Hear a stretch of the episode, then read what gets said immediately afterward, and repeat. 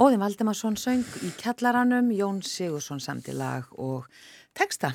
Já, þetta, er, mér finnst alltaf að finna að þetta er náttúrulega svo frækt lag mm. og þetta, hvernig sagt, í kjallaranum. Já, í kjallaranum. Kjallaranum.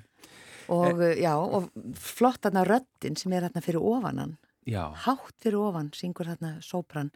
Ég er ekki alveg vissum hver það er en ég ætla að koma að staði. Já, þú varst að reyna að hlusta þig inn á já. En við erum komið með, uh, ég veit ekki hvort þú sé sópran söngona. Uh, ertu söngona Fríða Rún uh, Þóraðdóttir næringafræðingur?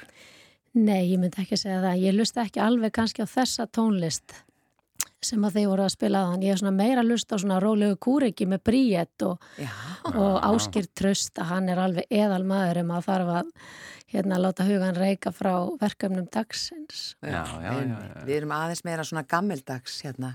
Já, já, en við Gunnar. höfum nú alveg spilað uh, áskýrt trösta til dæmis. Spilað allt mögulegt bara. En þú ert hérna fengin hingað í þáttin sem sérfræðingur vikunar, uh, næringafræði, það er það sem við ætlum að fræðast um. Já. Takk bara, fyrir það að koma.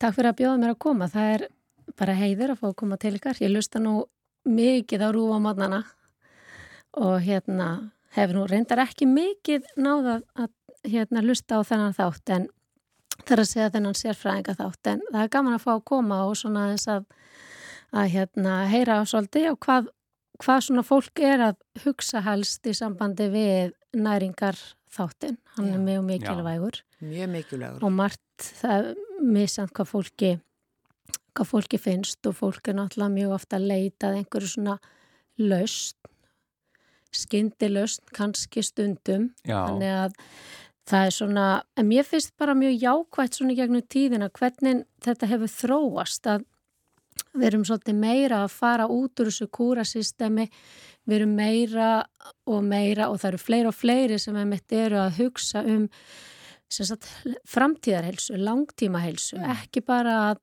að stökva á eitthvað kúr og, og hérna byrja á eitthvað skindiverkefni heldur að hugsa þetta meira heildrænt og, og ég er vissum að þeir eru sammála mér en hversu jákvæmt er hvernig svefnin og umræðum svefn hefur komið inn í, inn í þessa hérna, umræðin og undarförnum árum, bara reyndar frekar stuttu tími sem að það hefur verið svona hérna mikið í umræðinni og fólk er svona að fara að meðtaka þetta svolítið. Mm. Þetta er náttúrulega hlutur sem margir skera niður þegar það eru mörgverkefni og, og það er að mörgu að higgja á heimilum og í vinnu og kannski mikið ála og þess aftar. Og margir hafa náttúrulega gengið í gegnum mjög erfitt tímabilin að síðast leið ár sem snýrað bara bara afkomi og þess aftar. Þannig að þú veist svefnir of það sem að fólk er svona að katta niður eins og maður segir en en þetta getur það bitið, bitið í rassin á manni síðan meir þannig að það er gott að vekja fólk til umvöksunar um þetta. Ekki Já. spurning og einmitt bara eins og þú segir þetta ár það fólk hefur verið mikið heima og Já. svona margir sem tala um að þeir hafi svona svolítið svona kannski ekki svona verið upp á sitt besta í mataræðinu og svona ímislegt svona sem, sem mm. kallar á það eins og líka ónóur svept sem svona getur stuðlaði að fólk fari að borða Já. svona kannski óhóllari mat en við fengum mjög fína spurningar frá, frá hlustendum, ert ekki samála því? Jú, þetta voru áhuga að vera spurningar og svona aðeins svolítið kannski ég bjóst við svona þessari nálgun en það er líka mjög gaman að fá svona bara það sem fólk spyr svona innilega og persónulega eins og einn spurning hérna, mér þótti svona rosalega vænt um þá spurningu þannig ég hérna glöð að fá svona tækifæri til að svara. Já. Við förum betur í þær á eittir. Mér langar að spyrja að því sko eins og þú segir, næringin og svefnin, þetta er mm. bara hlutinni sem að verða að vera í lægi Já, fyrir okkur, er, fyrir heilsuna. Já.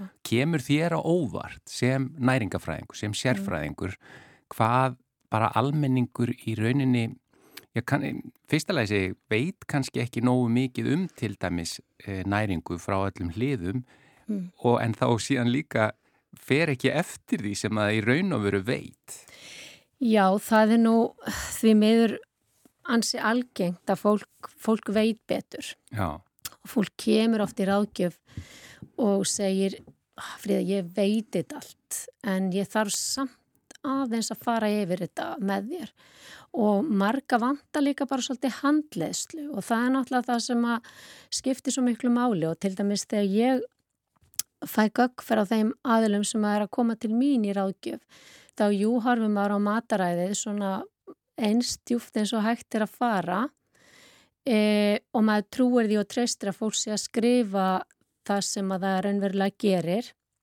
Ég byrði líka um reyfingu, ég byrði líka um upplýsingar um svepptíma og margir eru að stríða við mjög mikla erfileika með sveppn er að vakna mikið og ekki bara núna í jæskjáltarhrinni heldur bara almennt og eru að hanga lengi fram eftir og snúa sólarhingnu svolítið við og komast á í tiltekki vítarhing.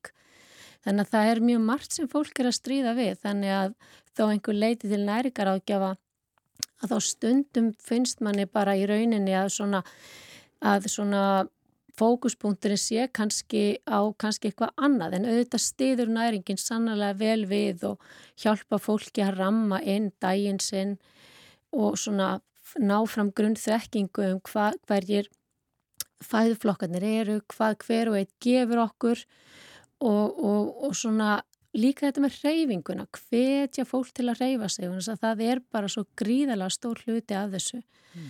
og þá komum við bæði inn á andlega og líkamlega heilsu og líðan en líka hjálpar það upp á svefnin í mörg, mjög mörgum tilfellum að vera, fara upp í rúm og vera þá líkamlega þreyttur en ekki andlega þreyttur mm. sem að maður getur oft orðið eftir mjög erilsaman dag þar sem er mikið áreiti og sérstaklega fólk er með miklar áhyggjur af heilsu sinni eða aðstandenda, fjárrags áhyggjur sem mjög margir er að stríða við núna að hugsa þú veist hvað gerist, hvernig verður sömari, það er bara svo margt sem að svona er að hafa áhrif á okkur. Þetta getur líka verið að, að mjög áhugavert þú sem næringafræðingur sérst að tala svona mikið um svefnin. Við höfum fjallatalsett um svefni hérna og fengi mikil viðbröð. Það er greinilega mikil áhugi og, og hérna fólk er að glýma við svefnvandamál Já. en býtur þetta ekki svolítið skotti hvert á öðru? Það er að segja, eins konar vítarhingur, það er að segja svefleysi og svo ekki rétt næring eh, að þetta getur haft áhrif hvort á annað. Jú, svo náttúrulega ef að fólk er að vakna á nóttinni þá náttúrulega eru, er fólk kannski að fá sér einhvað að borða þá sem er kannski ekki endilega, þú veist, rétt í tímin eða rétta, rétta hérna nálgunin. Já. En eins og með næringu, eins og með svo margt sem að við erum að díla við í dag sem snýrað heilsunni, þá náttúrulega eru margi svona einstaklingsbundi þætti sem að þarf að skoða og það er, getur verið mjög erfitt að koma með eitthvað svona konkrétt ráðleggingar en auðvitað er búið að gefa okkur ansi góð viðmið til þess að fylgja og þá til dæmis bara vísa maður mikið inn á vef embættis landlæknis þar sem að þau eru náttúrulega að setja, setja fram í rauninni svona þær upplýsingar sem að, sem að við þurfum að hafa mm. en svo eru fleiri, fleiri staðir þar sem hægt er að leita sér upplýsinga og, og auðvitað að leita til þeirra ráðgjafa sem að gefa sér út fyrir tiltekin mál. Mm. Heilsugjæslan náttúrulega er að koma líka sterkinn á mjög mörgum sviðum mm. þannig, að, þannig að þetta er, þetta er mjög marg slungið og, og við þurfum svona að finna rétt að fókusun og ná vel til fólks hver, er svona, hver eru þessi viðmið? Við munum eftir þessum ring sem er teiknaður, Já. eitt fjórði grænmeti og svo mm. er það kjöt og fiskur og, og fræ og bönir og brauð og eitthvað slíkt. Sko, hefur þessi kaka eitthvað breyst? Sko ég myndi segja að kannski helsta breytingin sem orði hefur er að við erum, erum að, það var svo breyting á, á ráðleggingunum bæðið sem satt Norrænu og þeim sem eiga við Íslandinga að fytan var hækkuð aðeins og þá var það í rauninni til að ná kannski meira utanum þá sem voru kannski að reyfa sig minna en við erum náttúrulega með mjög stórun hópa fólki sem er að reyfa sig mjög mikið þó það sé ekki endilega íþróttamenn þannig lagað en bara margir í þessum hlaupahópum og þrýþrautarhópum og sundfólki sem er oft fullorði fólk, þeir eru að æfa gríðarlega stíft þannig að að hérna fytu við með eins sko að þau voru vikuð en þau ætti að ná utanum okkur öll í rauninni. E, Kolvetnunum var breytt í rauninna þann hátt að e, við fókusum alltaf ennþá á að, að hérna kolvetnin séu næjanleg fyrir þá sem er að hreyfa sig mikið. En megin breytingin var náttúrulega svo að við erum að reyna að fá fólk til að borða meira af heilkorna vörum. Að nota fínunu kolve, uh, hérna, ja, brauð og þess áttar kökur og kjaks og allt þetta. Svolítið svona spari frekar að huga að því og reyna þá að nálgast þann hátt að við séum að auka í rauninni magnam nærikarefnum og trefjum í fæðin okkar með því að, velja heilkorna vörur. Mm. Þannig að það er svona, það er margt í þessu, sannarlega. Margt í þessu og við ætlum að fara í, já, nokkuð margar spurningar hér á eftir mm. og reyna að ná þeim öllum. Við veitum ekki hvort að það tekst, það tekst ekki alltaf, Nei. en e, fáum hérna bara smá brott úr lægi meðan við eh, komum okkur fyrir með, með bladabunkan. Já, þú nefndir á hann Áskil Trösta, mm -hmm. þannig að mhm. ég bara fann eitt lag með honum. Ah, já, já, það er alveg hægt að spila hann. Ha, já, nýfalli regn, það er búið að vera smá regning í kortónum. Velvalið. Já, svo förum við yfir í spurningar með Fríðurún Þóladóttur, sérfræðingi dagsins.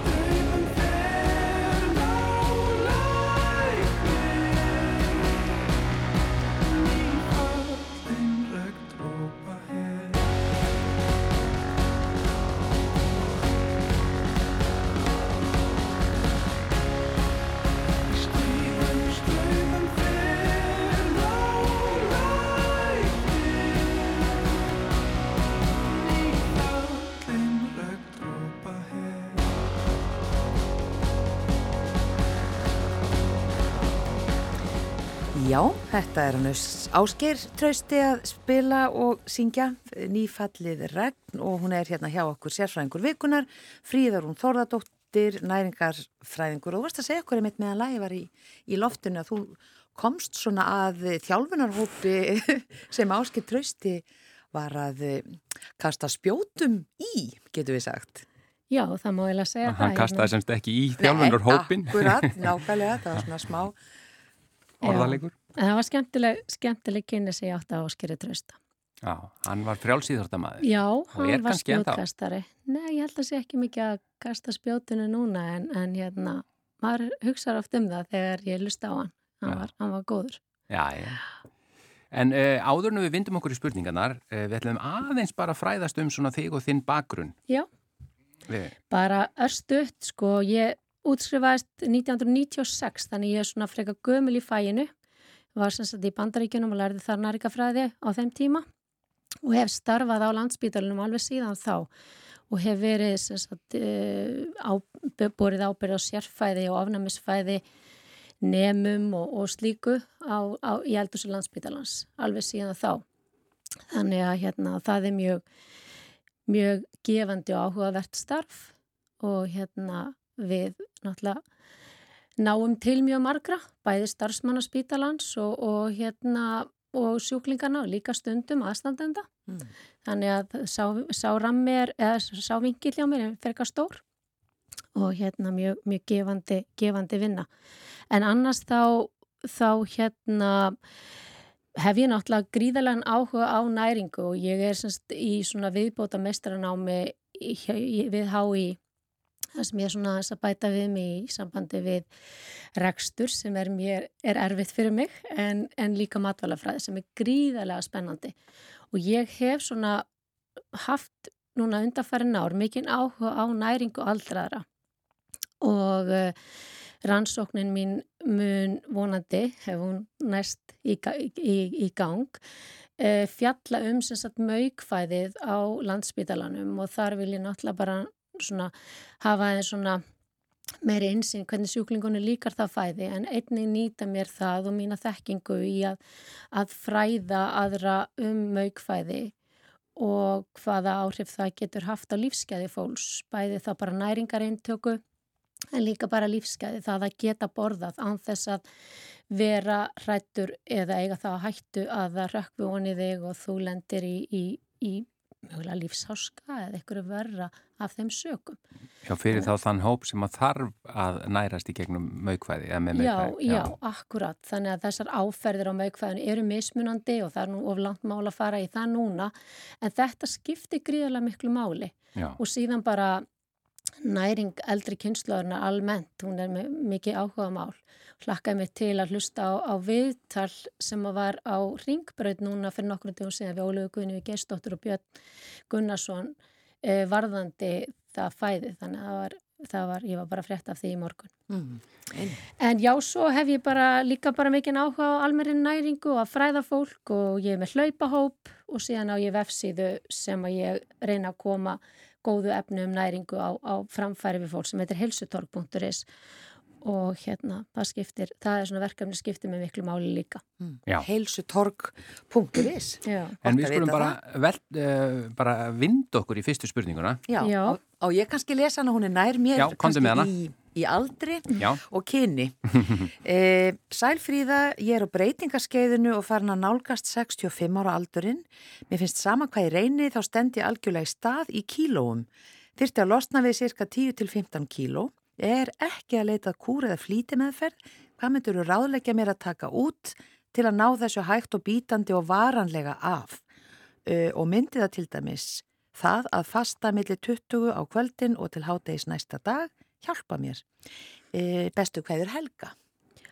Já, mér finnst bara mjög jákvægt að hvernig hún álgast þetta verkefni það er að þú ert ekki að leita að kúra eða eitthvað svona skindilöst eins og við tölum að þessum í byrjun og, og hérna það er, það er mjög góð nálgun til þess að byrja með og um, þetta með varanlegar árangur það skiptir líka máli og það er vel að ná árangur ef að bæta helsun og þó sett komin yfir 60 Holt mataræði þar sem þú leitast við að borða úr öllum fæðiflokkunum, þetta er svona klassiska ráðleggingar en einni að borða reglubundið yfir daginn og hugsa um að næra líka með þinn vel og sína honum þannig væntum þig. Það skiptir mjög miklu máli að við virðum líka með nokkar, virðum heilsun okkar. Mm. Og uh, síðan þetta með reyfinguna, ég bara þreytist ekki á að tala um reyfinguna, hversu mikilvæg hún er bæði fyrir andlega og líkamlega líðan til að bæta svefnin og síðan bara muna öll hreyfing er góð. Þú þart ekki alltaf að fara út að hlaupa þó að það sé gott, það er á ekkert við um alla. Mm. ganga og, og ganga út í náttúrunni sund, hjól stundar styrtarþjálfun skiptir mjög miklu máli. Að hafa þetta fjölbreytt, hafa þetta skemmtilegt. En við þurfum bara svolítið að að finna hvað hendar okkur best. Og fyrir suma henda göngunar mm. og ekkit annaði það. Og þá er það bara mjög, mjög jákvætt. Og við vorum aðeins að tala um svefnin á þann og þá er þetta að ná þessum 7-8 tímum er talið vera svona legstu mörkin í rauninni. Eða þú ert farin að sofa 6, 5-6 tíma ef þú ert farin að sofa slítrótt þá er það ekki gott fyrir þig heldur. Þannig að reyna að ná svona gæða söfni og þar getur hreyfingin líka komið vel til að hjálpa mjög mikið upp að þú ferð fyrir um líkamlega þreyttur en ekki andlega þreyttur. Já, en svo líka eitt sem er bara mjög gullir áð og það er að hérna, þú hugser ekki að kílóin skipti öllu máli. Ef þú ert tröst að þá er það það sem að að hérna, skiptir mestu, þú nærði að hugsa vel um, um sjálfa þig að það er sem sagt ofar öllu. Þannig að svona bara samanteki, bara hotlur matur sem að borða þá í fjórum áltíðum kannski við daginn en þetta að borða ekkert eftir kvöldmat, það er, það er líka góð regla og við munum kannski komast aðeins yfir meiri umræður um það hérna á eftir. Mm. Hreyfingin, söfnin, þetta eru svona leikilatriðin sem ég myndi vilja leggja áherslu á við þig, bara gangiði vel. Já. Þá bara, bara er það næsta spurning? Næsta spurning. Hæ, hæ, ég hef spurningu til næringaráðgjafans blóðflokka dæet eða blóðflokka mataræði þar sem að því er haldið fram að mismunandi matur hæfir mismunandi blóðflokkum. Það var mikil tíska fyrir einhverju síðan er eitthvað til í þessu og þá í framhaldi ef við tökum til dæmis keto, paleo, vegan og, og svo framvegis getur verið að þessi mataræði hendi fólki mismunandi til dæmis af því að það er í mismunandi blóðflokkum. Sko ég man alveg þegar þetta, þetta mataræði var svona mest í umræðinni og ég gæti svo sem ekki fundin eitt nýtt, nýja rannsóknur um þetta. Maður heyrði svona alls konar sögur að hjón voru kannski að reyna að velja mat í samræmi með blóðflokkin sinn og það bara vikslaðist. Konan sem að, ekki, sem að leið ekki vel að kjöti, hún átti að borða mikið kjött og maðurinn sem var svolítið svona kjötmaður, hann átti bara að borða grammetisfæði. Þannig að þú veist, þetta var svona ekkit alveg kannski endilega harmonera saman. En hérna kannski aðeins fyrir þá sem er ekki mjög kannski upplýstir um hvað keto, paleo og, og vegan og svo framvegs að e, þá náttúrulega er þetta bara mismunandi nálganur á mataræði og þetta er að hafa all, all sína sérstöðu. Keto til dæmis hátt í fytu og prótinum náttúrulega líka og hendar átt vel fyrir þá sem eru þá í mikill ofþyngd og fytu mm.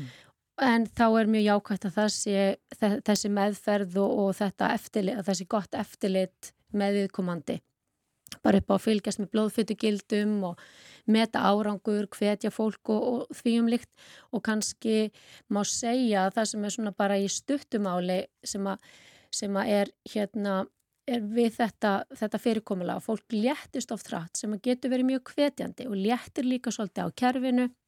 Og fólk fer svona að ná að kannski að hreyfa sig meira og, og því umlikt en uh, hérna svo hafa líka aðrir hópa tilenga sér þetta mataræði og eru svona að, að tvíka til svolítið kólvetna hintökunni við daginn.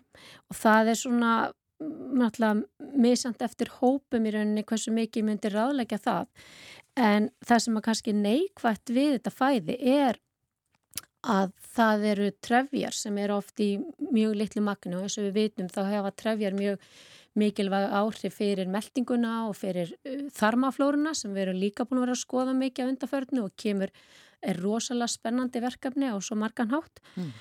og svo er það ímis vítamin og steinöfni sem er aðalega vítamin sem að vantar upp á. Þannig að, að svona næringarlega sé þá getur vantað upp á nema náttúrulega fólk ná að borða gríðalegt magna gremmiti sem er auðvitað getur verið erfitt. En síðan það sem er kannski eitt neikvægt við að þetta er oft mikið svona unnin matur sem er hári salti og við vitum að það er ekki svona það besta fyrir okkur. Varðandi paleo og þá má ég að segja svona til að lýsa þetta svona steinaldar mataræði og þetta er svona mjög hreint hreitt matur ef við kannski getum sett okkur eða svona útskýrta á þann átt þetta er mikið óinnin matur eins og ég segi, grænmeti e, ávegstir minna kortmeti og e, þetta fæðir er svona freka dýrt myndi ég segja, þetta er mikið af prótenrikum, þetta er mikið fiskur og mikið kjöt, egg og þess áttar sem er svona freka dýr matur og líka, kannski líka dýr fyrir jörðina að framlega, þetta er ekki mjög umhverfisvært matur kannski.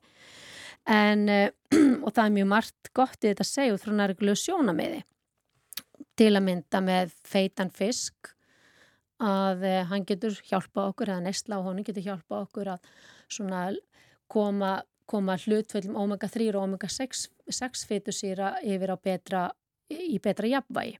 Mm. En vestrænt mataræði dag er, er heldur heldur hérna látt í omega-3 og síðan er það veganmatræði sem að flestir ættu nú að þekka og það er náttúrulega gengur út á að útiloka fæðutegundur úr dýraríkinu dýravendun og sjónamið og, og umhverjusvend og allt þetta en eh, heilsufæslu sjónamið spila náttúrulega líka stóran þátt. Þar þurfa þeir sem að aðhyllast veganmatræði, það eru grænker eins og það er kallað að þeir þurfa að huga mjög vel að prótin og prótinsamsetningunni og síðan D-vitamin, ját, kalk og svo framveist. Mm. Þannig að þetta er svona helst, prótin, kalk, D-vitamin og játn eru svona helstu, helstu nærikarefni sem að þarf að hafa í huga. Mm. Þannig að já, það er svona kannski bara enn og aftur að fólk svona finnir svolítið sen, sen takti í mataræðinu en það sem ég finnst rosalega mikilvægt að koma á framfæri hér er að við reynum að vera svolítið öfgalaus. Við reynum að finna mataræði sem getur hendað okkur á fjölskyldunni þannig að við getum borða saman í sátt og samlendi mm. og núna hugsa kannski þeir sem verður með ofnami, já en hvað með okkur? Ég þekki ofnami og ofnamisfæði mjög vel, ég er formaður Asma Ofnamisfélags Íslands og hef mikið verið að fræða um ofnami og kenna Sko það er annar handlegur, þá þurfum við að nálgast þetta á annan hátt og, reyn, og það er oflant mála að fara í það hér. Já, ég var svolítið að vonast til að fá ánum með spurningu en Já. ok. Já. En svo líka bara við erum fyrirmyndir. Ef að mamma og pappi meg ekki borða þetta og ekki borða hitt bara af því að að þá fara börnina að svona byggja þetta svolítið upp og, og það getur orðið svona bara ítt, ítt undir meira stríð við mataborði, ef maður getur sagt sem svo. Þannig að við þurfum að vera fyrirmyndir og góðar fyrirmyndir fyrir börnin okkar, bæðið náttúrulega varandi næringu og hérna reyfingu og síman á allt þetta. Mm, já, nákvæmlega. Þá er það önnu spurning hér, eh, nú hefur verið sagt að 75-80% af því að grennast sé að breyta mataræðinu, að móti þá 25-30% sem er reyfing. En eru ekki einhverjir einstaklingar sem hafa bara einfaldlega hægari efnaskipti og þar á leiðandi hægari bruna en aðrir sem hefur það áhrif að bæða mataræðið og ávinning kreyfingar? Sko ég vil kannski svara þessu þannig að það er mjög einstaklingsbundi í rauninni hvað hefur mest áhrif á það hvernig við stjórnum líkanstingin okkar í hvora áttina sem að er. Og uh, Svo er það náttúrulega erðirnar og þeim stjórnum við ekki við getum náttúrulega haft mjög góð áhrif á heilsun okkar almennt og þar með brennsluna. E, sko það sem hefur eiginlega mest áhrif á brennsluna myndi ég segja er hlutfall vöðva og fytu.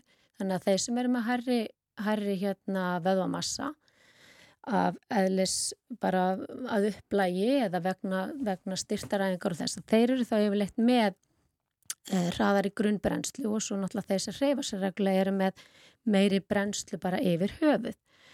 En ég á nú svolítið, eh, segi nú yfirleitt árangur í heilsurækt sem ég vil kannski tengja svolítið við þessa spurningu af því þetta snýst ekki alltaf um bara grennast heldur að ebla heilsuna og, og ná svona stjórn á líkamstingdini ef hún er á leiðinu upp. En, en þetta sé í rauninni fjórskipt, það sé næringin, það sé reyfingin, sé svefnin og síðan hugafarið okkar, svona þessi, þessi svona, þessi nálgun sem við kjósum að hafa.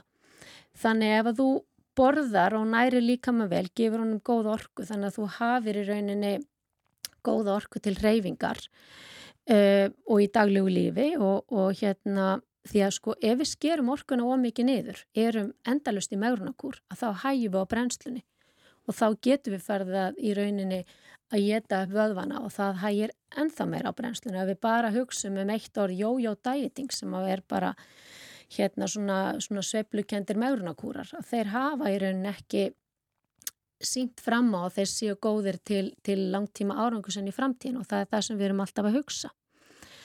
En hérna og síðan bara þetta með, með reyfinguna að hún er, gefur orku og andlega orku fyrir líka má sál. Mm. þannig að, að ég held svona að, að uh, jú, við, ég held ég sé í rauninni búin að svara þessu, það er náttúrulega sömur sem eru með aðeins hægar efnaskipti og síðan náttúrulega geta liv líka haft áhrif. Og bara mikilvægt að lækkanar upplýsi fólk um það þegar fólk fer á að lifja einhvers konar liv, hvernig áhrif það getur haft á matarlist og, og hérna e, bara almenna matarlist og mm. hvenar þú hefur matarlist og, og hérna og sé, líka bara hvernig fólk er að borða sem er borða af því að þeim líður illa. Mm. Uh, spurning hvort við stökkum yfir næstu spurningu að það er svona kannski að svona keimlikt í sem við höfum verið að tala um Já. og kannski fyrir mig spurningu 5 eða 6, hvað segir fríðar í því? Já, Heitt var reyndar upp á spurningi mín. Nú, no.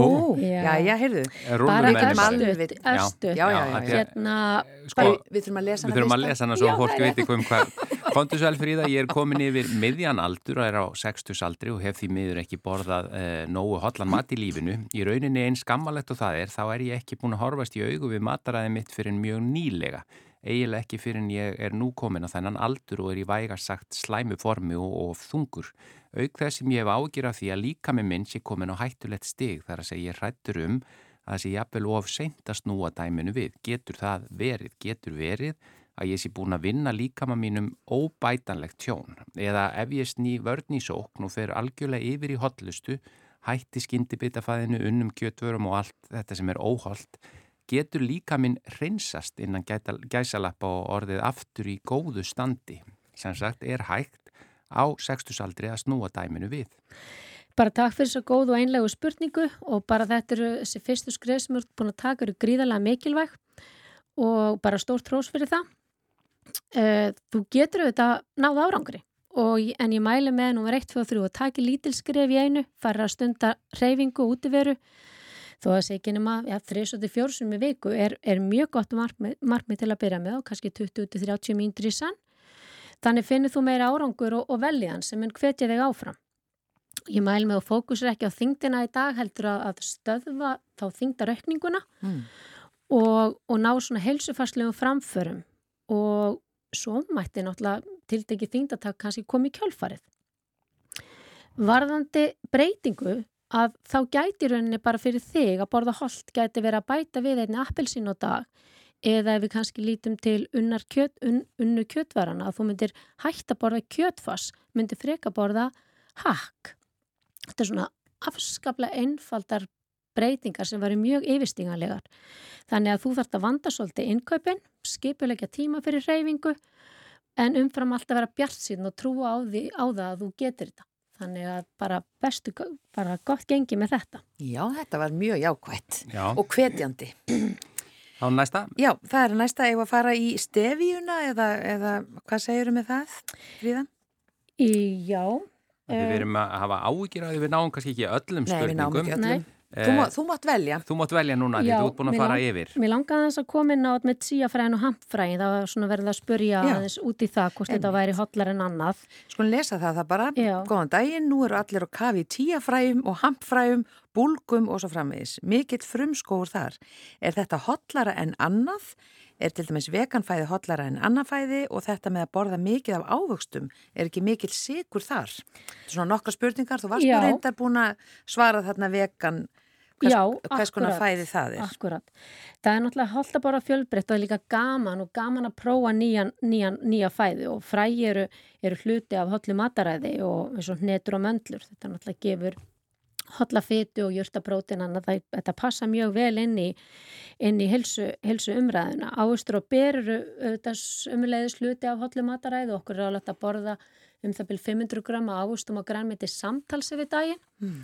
Þannig að, að þetta náttúrulega skiptir, skiptir allt saman máli varðandi ávextina að þeir innihalda ávexta sigur Þannig að svona að sömuleiti er þetta rétt sigur og ávasta sigur, þetta er svona af sömu, eh, af sama tægi en endilega borða ávöxt og ber.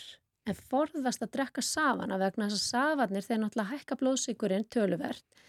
Og þeir gefa okkur líka minni mettunatilfinningu heldur við myndum finna á mat sem væri með sambærlegt kaloríumagn. Þannig að, og, og mettunatilfinning er eitthvað sem er líka mjög mikilvægt fyrir okkur því að það náttúrulega hefur áhrif á það hversu oft við borðum. Mm. Akkurat, þannig að það er betra að taka ávöxtin heldur en að Já. drekka safan. Já, við höfum í rauninni bara svona umdabil þrjár myndur eftir, þannig að mhm. spurning hvaða uh, spurningu við, að því því miður eru við ekki að ná í gegnum allar. Uh, Einn svona stutt í lokin. hvað segir þú Fríða? Er einhver sem þú vilt sérstaklega? Já, uh, einn sem kom hérna, ég er ansi ítla haldina, ykt síki og langar að spyrja næringar ágjamandi mataræði fyrir giktsjúka. Mm. Hafa þeir einhver ráð, sleppa mjölkuvörum, hveiti sigri, giktaleknandi virðast ekki hafa svör við þessu. Sko, ég, ég hérna rendi yfir efni sem að ég taldi vera geta upplýst mig hvort það væri komin einhverja nýja rannsóknir. Sko, sumir tellja sig hafa finna mun á sig þegar þeir taka út tildekna fæðu en ég held að skipti líka miklu máli í þessu tilfelli og öðrum úr hverju þú ert að koma. Mm. Ertu búin að vera að borða rosalega mikið unnan mat og mikið salt og svo yfir í svona hretni og minna unna fæðu þá finnur um mun. Það svona léttir á öllu kerfinu ef svo má segja. Yeah. En, en hérna ég hef sko ekki rálat fólki að taka út neitt. Ég hef bara ringt núverandi mataræði með fólki og skoða þá samt sérstaklega bara neyslu á feitum fiski og horsnum svolítið til omega-3 feitusýrana og bara hvaða feitur verða að velja almennt mm. en einni reynd bara að sína fólki fram á bara hvetja til að borða meira af græmitu ávöxtum og síðan að reyna stundar reyfingu upp að því marki sem viðkomandi getur Þannig að, já. Það já, geti allt saman hjálpað í eins og í svona tilfelli. Já. já. Einmitt og fólk sá kannski bara prófið sér svolítið áfram. Mm -hmm. Hvort í líði betur Alkjörlega. eða sleppir einhverju eða bætir við. Um, bara kæra þakki fyrir þetta Fríða Rún, Þóraðdóttir, næringafræðingur. Takk fyrir að vera sérfræðingur vikunar og við erum örglega að fá þið einhvern tíman aftur til að svara restinni. Já, og þá kannski fáum við fleiri spurningar líka, en við bendum líka að því þú talaður um að ekki helsutorg. Helsutorg.is, ég svari bara einhverju þar náttúrulega naflösu. Ég seti, seti inn einhvern tíman á næstu vikum eitthvað sérstaklega kannski með föstunar, það er mjög áhugavert. Ég var farin að grafa svolítið djúft í það. Þannig að ef að þið hafið ekki fengið svar við ykkar spurningu því að það náðist í miður ekki alveg í gegnum allt núna, þá gæti verið að hún setið inn svar inn á heilsutorg.is það er, það væri frábært. Þannig að takk bara fyrir þetta og takk hlustendur fyrir að senda okkur svona margar spurningar og mannlega þakk Þættinu með loki, við verum hér aftur á morgun. Með förstutaskest og matarspjall og ég veit ekki hvað og hvað. Takk einlega fyrir samfélgina. Verðið sæl.